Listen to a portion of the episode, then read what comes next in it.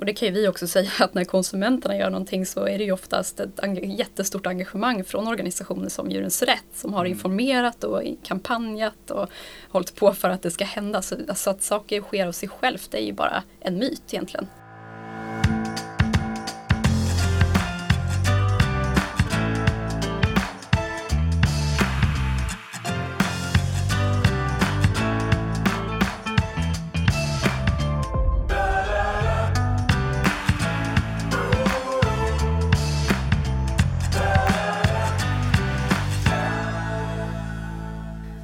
Lyssnar på Djurens Rätts podcast på Djurens sida. Glöm inte att prenumerera på podden så att du inte missar ett enda avsnitt. Hej och eh, hjärtligt välkomna till Djurens Rätts podd på Djurens sida.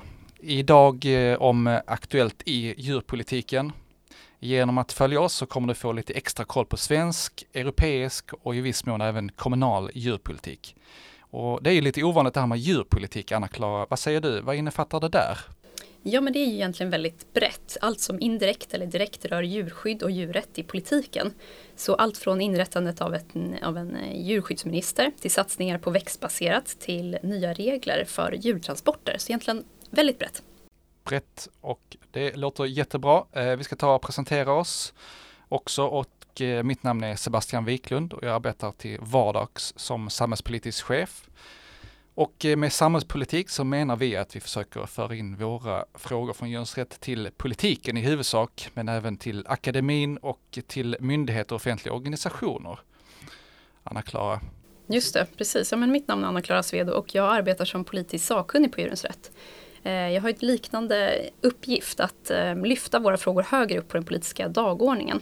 Det är också lite av det jag ska prata om just idag, nämligen om partiernas kongresser. Det är ju något av en högsäsong just nu för partikongresser så det är spännande tider. Ja, verkligen spännande, det vill vi gärna höra mer om. Och jag kommer att ta upp ett eh, beslut som har, fatt, eller ett beslut som har fattats i Europaparlamentet eh, som handlar om eh, handlingsplaner för djurfri forskning som vi tycker är superintressant.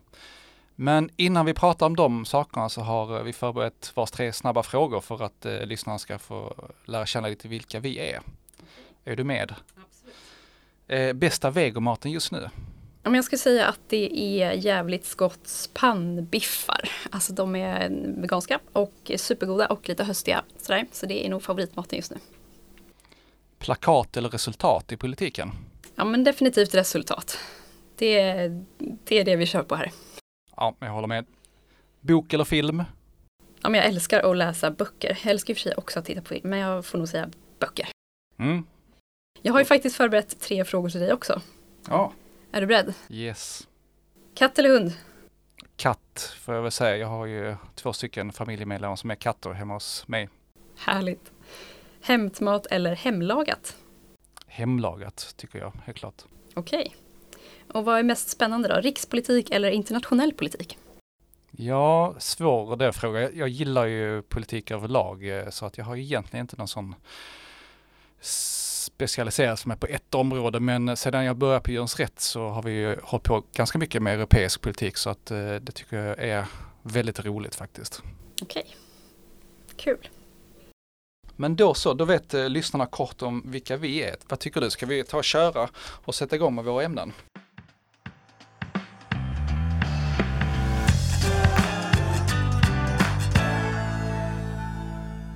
Okej, då säger jag så här att eh, onsdagen 15 september så vann vi, eh, som alla vill att det ska bli bättre för djuren, en politisk seger. Eh, det var ju då eh, Europaparlamentet som fattade beslut som innebär att en strategi för utfasning av djurförsök ska tas fram.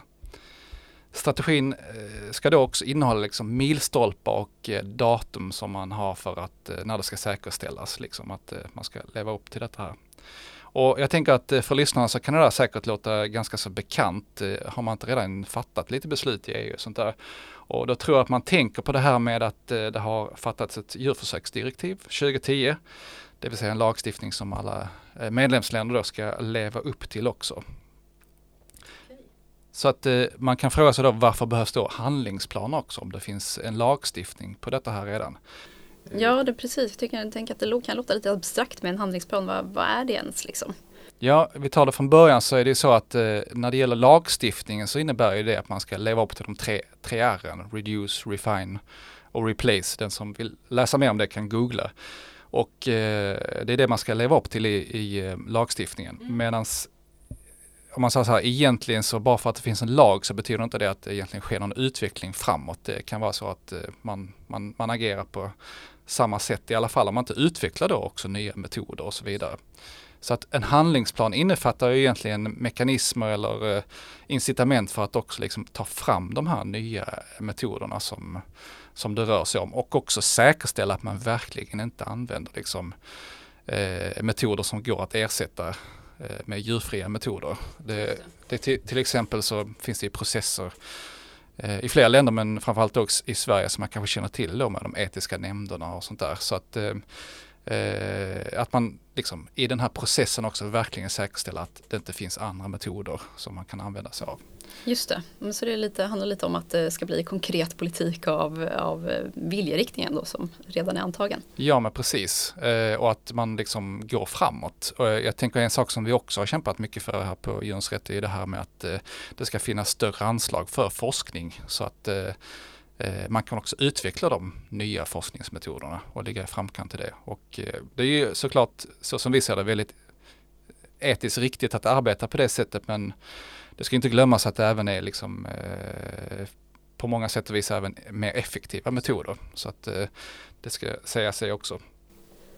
Vad spännande. Och ja men som sagt, Djurens Rätt har ju kämpat med det här sedan urminnes tider. Och eh, jag tänker också att när det är en sån här stor sak som, som händer så att säga, jag får lite nypa mig i armen, så tänker jag liksom vad är det som stämmer detta här? Kommer vi att eh, sjösätta en sån här handlingsplan nu eller eh, vad är det, finns det några om och men och så vidare. Men eh, det ser ju väldigt bra ut det här beslutet som har fattats av eh, Europaparlamentet. Så att eh, vi ser fram emot det med spänning.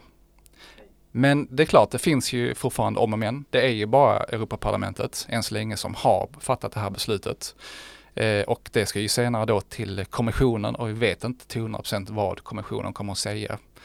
Men om de också tycker att det här är bra så går det ju vidare till att utveckla de här planerna som senare läggs fram också till eh, medlemsstaterna till att anta. Så att det finns ju en hel del saker som, som måste fram så att säga eh, innan, att, eh, innan det blir klart. Just det. Men eh, jag det tänk... känns, som, känns som att det alltid är så i politik, ja, ja, i EU-politiken att det är så långa processer. Att... Ja, du har alldeles rätt. Det finns ju aldrig något sånt här definitivt beslut. Alltså jag skulle säga att det är extremt ovanligt. Det finns några stycken.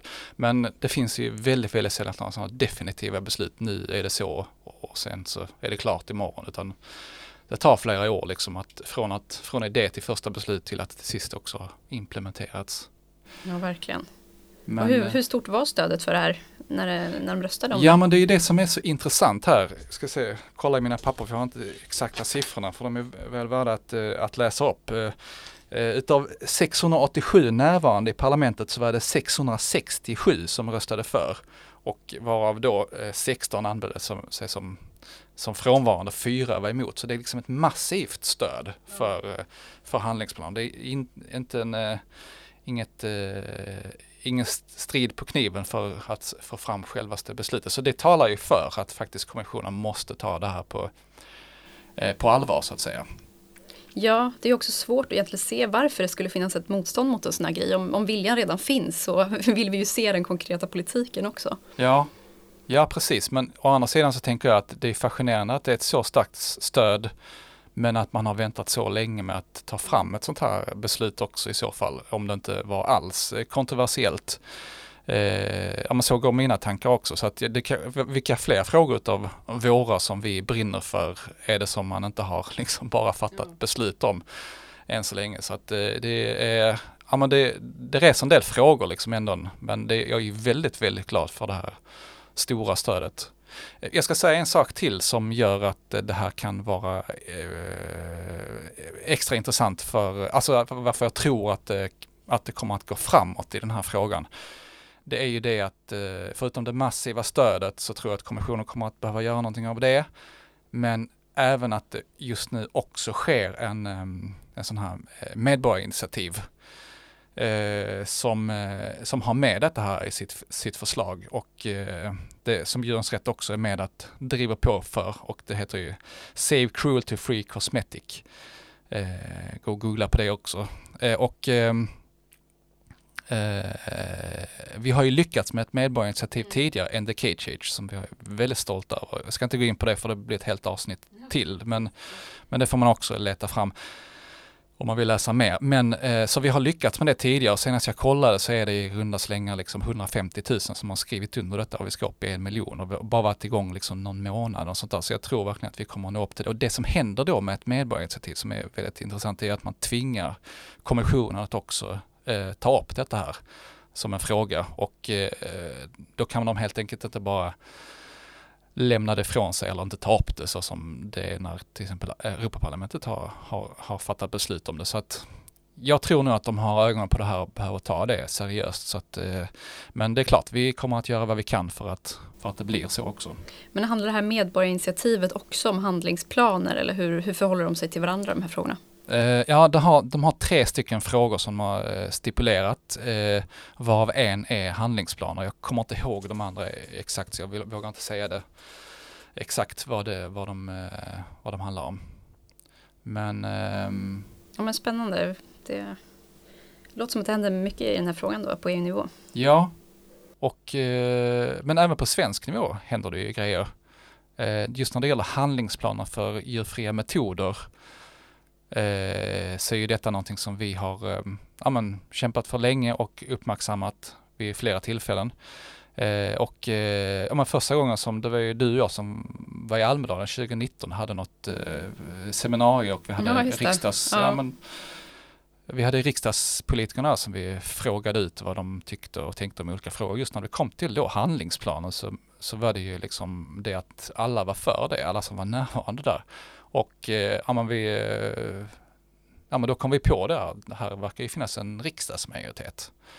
Och började ja, börja, börja prata om det och eh, berätta om det för, till, till regering och andra politiker och så vidare. Så att ja, men här behöver man ju göra någonting av. Och sen dess har det ju liksom eh, det är ju ett par år sedan nu så att sedan dess har vi skrivit debattartiklar, uppvaktat politiker och så vidare. Så att eh, eh, vid årsskiftet så kommer ju det här med också i, i det regleringsbrevet som det heter, som är direktiven som regeringen ger till eh, myndigheterna. Så myndigheten eh, Jordbruksverket håller ju på att eh, titta på detta här nu för att se hur man kan utveckla eh, detta här. De, eh, det står ju då, ska jag säga, för, för informationens skull, det står ju då inte i regleringsbrevet just handlingsplaner, men det står ju till exempel i andra dokument i Jordbruksverket. Man använder kanske lite olika ord för det där men, det. Så det är superintressant. Ja, verkligen. Och hur har Djurens Rätt eh, jobbat med det här? Jag förstår att vi har varit aktiva då i medborgarinitiativet. Eh, är vi aktiva på fler sätt? Ja men absolut. Vi eh, verkar ju genom stora nätverk ute i Europa med andra organisationer. Till exempel via Europe for Animals. Och eh, från Sveriges del så gör vi ju vår del med att kontakta Europaparlamentariker så där uppvakta dem och säga vad vi tycker i frågan. Och eh, i det här fallet också så har vi innan dess drivit en kampanj under några månaders tid eh, som gav eh, ett hundratusental namn. Och genom den så fick vi också upp frågan tillsammans med de andra organisationerna i Europa på utskottet i, i AGI där man eh, behandlar de här frågorna och tillsammans med lantbruksfrågor. Eh, som i sin tur då eh, detta här och det resulterar att man också lämnade ett förslag till beslut till parlamentet. Så att, eh, ehm, vad ska jag säga, startpunkten är ju egentligen vår namninsamling och att vi drev på för detta här i, ute, tillsammans med de andra organisationerna ute i Europa. En slutsats som går att dra av detta här är att eh, eh djurens rätt gör ju sig bäst när vi också får liksom med oss många människor ute hos allmänheten och eh, med det skulle jag också vilja skicka ett stort tack till alla som varit med och spridit eh, den här kampanjen som heter Act for Lab Animals för den som känner igen sig och varit med och skrivit under och eh, också säga att ja, men det här gav resultatet. Nu har vi kommit så här långt. Vad roligt och peppigt att höra.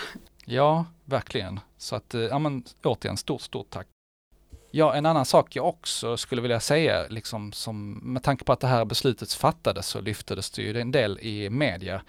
Men eh, man valde ju, eller det, det uppmärksammades aldrig att det var liksom det här eh, initiativet som kom ifrån ja, man, vår rörelse tillsammans med andra organisationer ute i Europa som människor som hade skrivit under, eh, massor, flera tusen människor som hade skrivit under och eh, fått frågan till att också liksom lyftas upp på EU-nivå. Eh, jag tycker att eh, man skulle kunna kosta på sig att också lyfta att det var faktiskt så som det så som det kom till det här beslutet om att ta fram handlingsplaner för, för djurfri forskning. Eh, jag tänker ändå att många behöver känna till europeisk politik och det är lite det man strävar efter och att vi, detta var ett sätt som, som, som hände utifrån eh, medborgarinitiativ skulle man kunna säga.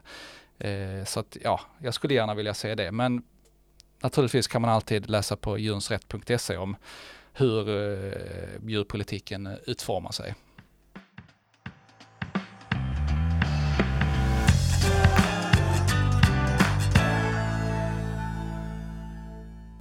Ska vi hoppa vidare? Är det dags? Ja, absolut. Anna-Klara, vad vill du prata om idag då? Berätta. Ja, men det är ju kongresshöst och det mm. tycker jag är väldigt spännande.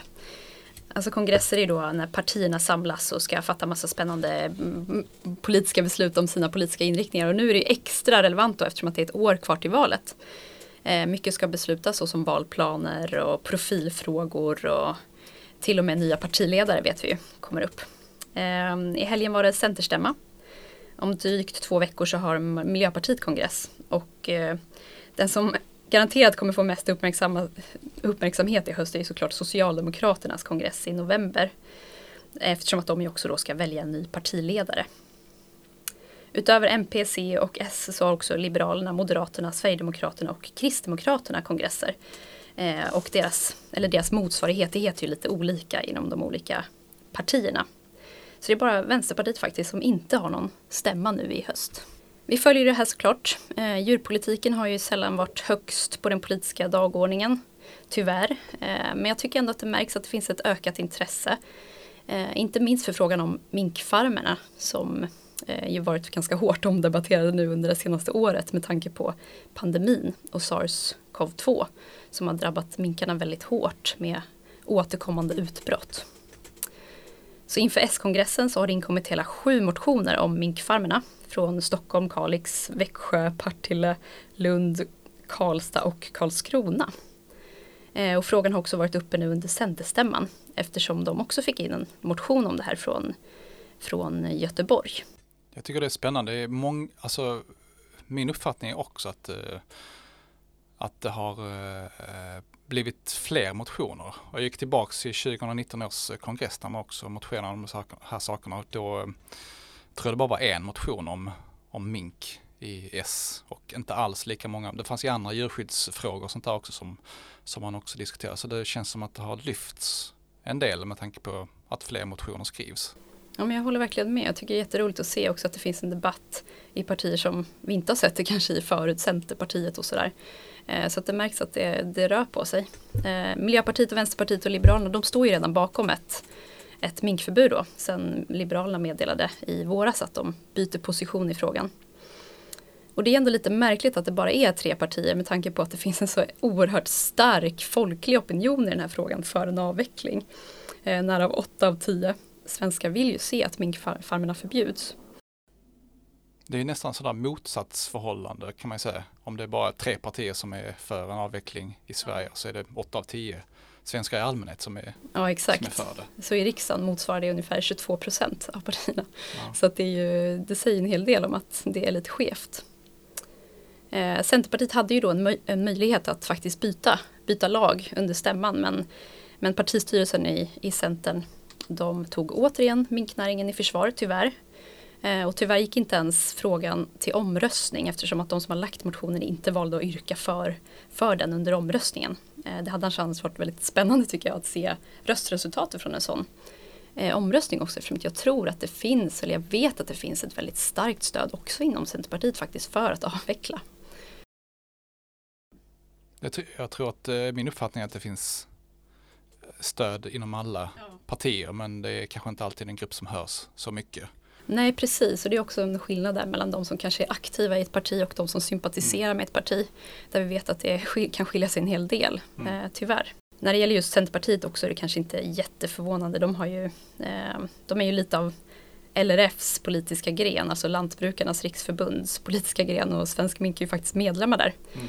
Mm. Eh, så att eh, de är nog lite försiktiga med Mm. att eh, driva frågor som går emot LRF. Men desto märkligare kan jag tycka att det är att partistyrelsen i Socialdemokraterna vill avslå samtliga motioner som handlar om minkförbud. Ehm, det är klart att relationen till Centerpartiet är väldigt viktig för Socialdemokraterna just nu så som det politiska landskapet ser ut. Men det kan ju knappast vara så att, att samarbetet mellan C och S står och faller med just minkfrågan. Så det måste ju liksom handla om, om någonting annat här. Vad tror du det handlar om då? Ja, men jag tror att ehm, nej, men jag tror att det är, som så ofta i politiken, att det faktiskt handlar om pengar. Eh, för att det är ju ett väldigt populärt beslut. Alltså när Liberalerna bytte sida i våras så Mm. fick de så oerhört mycket kärlek och stöd från folket i form av likes och hejarop på sociala medier. Så att det var ju nästan inga negativa kommentarer alls. Ja, eh, vi gjorde ju Novusundersökning så S-väljarna är ju ännu mer för en utfasning, jag tror 88 procent. Ja, precis. Så att, eh, nej men det här handlar om någonting annat och det, är, det tror jag är just pengar. Det är ju dyrt att lägga ner en industri. Eh, det är också det som S partistyrelse anför som huvudargument mot att ta tag i frågan. Alltså kompensationen som staten kan behöva ge till minkfarmerna kan bli väldigt hög om det är så att, att regeringen då väljer att bara förbjuda. Mm. Så det betyder alltså inte att Socialdemokraterna egentligen vill se en blomstrande minkindustri. Det har jag väldigt svårt att se. Ehm, istället tror jag att det handlar om att de, de vill försöka ta andra vägar än ett rent förbud. I sitt svar till motionerna. vad kan de andra vägarna vara då? då?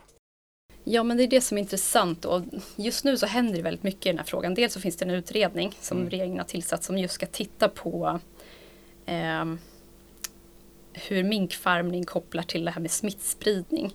Om det finns saker som, som regeringen kan göra, regler som bör sättas upp för att minska risken för att pandemier bryter ut på minkfarmer framöver. Och det är också någonting som Socialdemokraterna säger lite mellan raderna i sina motionssvar att det kan bli aktuellt med nya regler. Och vi vet ju att minknäringen som den ser ut idag den är väldigt hårt eh, ekonomiskt. Eh, det, är en, det, det är inte en lönsam bransch redan som det är på, på det stora taget. Så fler regler skulle definitivt göra att, att branschen blev olönsam. Ehm, så lite, lite tillspetsat skulle man kunna säga att Socialdemokraterna hellre fryser ut minkfarmarna än att faktiskt betala vad det kostar med ett tydligt förbud. För blir det fler regler då kan det faktiskt vara så att de inte behöver betala samma typ av kompensation eh, som vid ett liksom, tydligt, tydligt eh, förbud. Jag, jag tänkte, vi bjöd ju in en eh, politiker till oss 2019 han var pratade i riksdagen också. Han, var, han hette Sveinung Rotevatn och eh, norsk politiker och eh, från det liberala partiet där. Då var han statssekreterare men senare blev han miljöminister inom förra regeringen. När de precis haft val då. Eh, och ehm, ja, men jag slogs av att de var så beslutsamma i sitt beslut om hur de skulle fasa ut eh, minkindustrin. Eh, och eh, att inte att man liksom ville köra liksom raka rör så att säga. Eh, och hur man gjorde det. Att det kändes, eh, även om norsk politik känns så lik oss så kändes det så olikt oss när han pratade på det sättet att eh, jag inte riktigt hört svenska politiker överhuvudtaget, även de som, många av dem som liksom tydligt tar ställning eh, emot eh, min- minkindustrin i det här fallet har också, eh, ja men alla kör ju inte på det här raka rör så att säga. Nej men verkligen inte. Jag tycker också det är väldigt synd för att jag tror att för företagarna som jobbar med det här skulle det också på ett sätt vara bättre då med ett tydligt beslut än den här eh, f- det här långsiktiga, kanske det kommer fasas ut någon gång framöver. Vi vill inte att de ska ha det bra i princip. Ehm, men sen är också frågan om det verkligen kommer bli billigare. Så att den här taktiken överhuvudtaget, om den överhuvudtaget fungerar. För förmodligen så kommer det också bli ett avelsförbud även under 2022. Mm. Eftersom att eh, inte ens avelsförbudet i år har kunnat stoppa spridningen av sars-cov-2 på, på minkfarmerna. Ja, det, det är ju kanske förklara för lyssnarna om, om det här att det, det är ett avelsförbud nu. Ja men precis. Så, så i, i våras så meddelade då Jordbruksverket att de, de förbjuder av, av, eh, uppfödning av minkar under 2021 då, på grund av den här risken för eh, fortsatt smittspridning. Mm. Så sedan dess har det bara varit avelsdjuren som har fått vara kvar då på minkfarmerna. Men till och med det har ju inte räckt. Senaste utbrottet av, av pandemin då på minkfarmer upptäcktes så sent som nu, nu i augusti-september. Mm. Um, så att jag skulle säga att nya kullar under, redan under kommande år, det är, alltså det är nästan uteslutet. Jag, jag har jättesvårt att se hur det skulle kunna hända, men det, det beslutet ligger ju hos Jordbruksverket. Mm. Men notan för kompensation hamnar ju hos, eh, hos skattebetalarna. Och bara i år så har ju minkfarmerna fått 60 miljoner kronor för, för det här avelsförbudet. Så att säga att det blir väldigt många år med avelsförbud så kan ju den summan också ticka på och bli väldigt dyr i, i det långa loppet. Men jag ska också säga att det är lite slappt av, av politiken, precis som du är inne på Sebastian, att inte våga sätta ner foten och säga att det här är djurhållning som vi faktiskt inte vill ha i Sverige. Att ta ett sådant etiskt ställningstagande. Eh, Socialdemokraterna i Finland fattade precis det beslutet bara för ett år sedan. Ehm, de har ju också statsministerposten då med Sanna Marin i spetsen. Ehm, ett modigt beslut som absolut går att fatta här också men vi har inte sett det på länge. Den här typen av etiska överväganden ändå fast de är så oerhört folkligt populära känns så känns så svåra och det tycker jag är väldigt, men det tycker jag är väldigt tråkigt. Det är ju inte bara den här frågan som, men politiken lutar sig ofta mot eh, konsumenterna som vi ser det ofta att man säger det liksom när konsumenterna väljer bort. Så, så man liksom, det är det som låter en styra så att säga. Ja men precis. Hoppas att det ska lösa sig av sig själv eller mm. liksom att det och det kan ju vi också säga att när konsumenterna gör någonting så är det ju oftast ett jättestort engagemang från organisationer som Djurens Rätt som har mm. informerat och kampanjat och hållit på för att det ska hända. Så alltså att saker sker av sig självt det är ju bara en myt egentligen. Mm.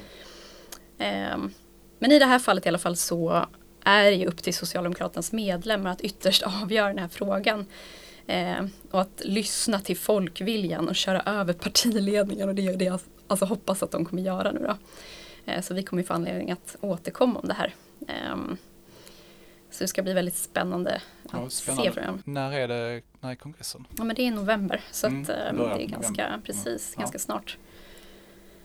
Um, och det är också som sagt fler partikongresser så att det kan hända att det här dyker upp då även, även hos de andra partierna på högersidan då som också kommer ha kongress. För det är ju inte en, det är ju inte egentligen vänster-högerfråga. Det har vi sett som du säger med exemplet i Norge.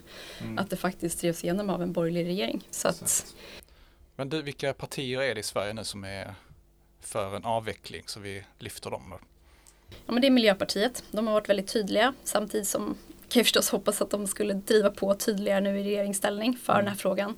Eh, sen är det Vänsterpartiet och eh, så är det ju då Liberalerna. Mm. Och det är ju också väldigt kul att Liberalerna har tagit det här beslutet.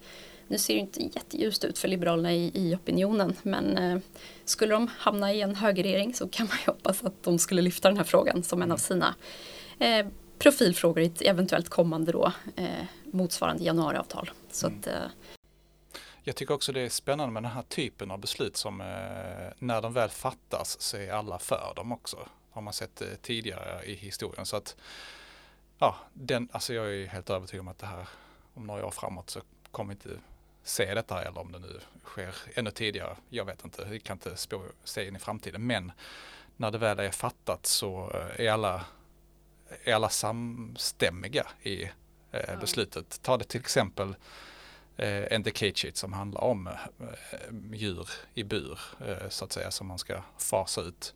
Och det verkar ju vara en väldig samstämmighet kring det nu medan vi vet om att det där har varit en strid på kniven ja, under lång tid för mm. oss. Liksom. Så att eh, eh, när väl besluten så kommer så, är alla för det också. ja men att, verkligen och att vi pratar om det här med EU-politiken att de länder som har tagit beslut om avveckling av minkfarmer de har ju ofta väldigt hög svansföring nu i EU-politiken och tycker att andra länder också ska göra det här. Mm. Um, så det är också ett ytterligare skäl till att vi borde fatta det här tydliga beslutet i Sverige för att också kunna påverka andra länder i de här frågorna på ett mm. tydligare sätt. Det är ju många andra europeiska länder som har fattat beslut om det här redan. Ja, verkligen. Så att, eh, vad är det nu, 16 länder tror jag. Ja, jag vågar inte ta gift på det exakt men, eh, men eh, däromkring. Ja. Ja, men så hoppas att det kommer röra på sig. Jag tror ju också att det nu i och med pandemin och allt sånt där kommer bli nästan ohållbart med en fortsatt minkindustri i Sverige. Så att, eh, men vi fortsätter driva ända in i mål med det här. Ja, men det låter bra. Det låter bra. Så att vi får återkomma kring den här frågan också. Eh, ska vi kanske gå på en sammanfattning? Ja, men det tycker jag.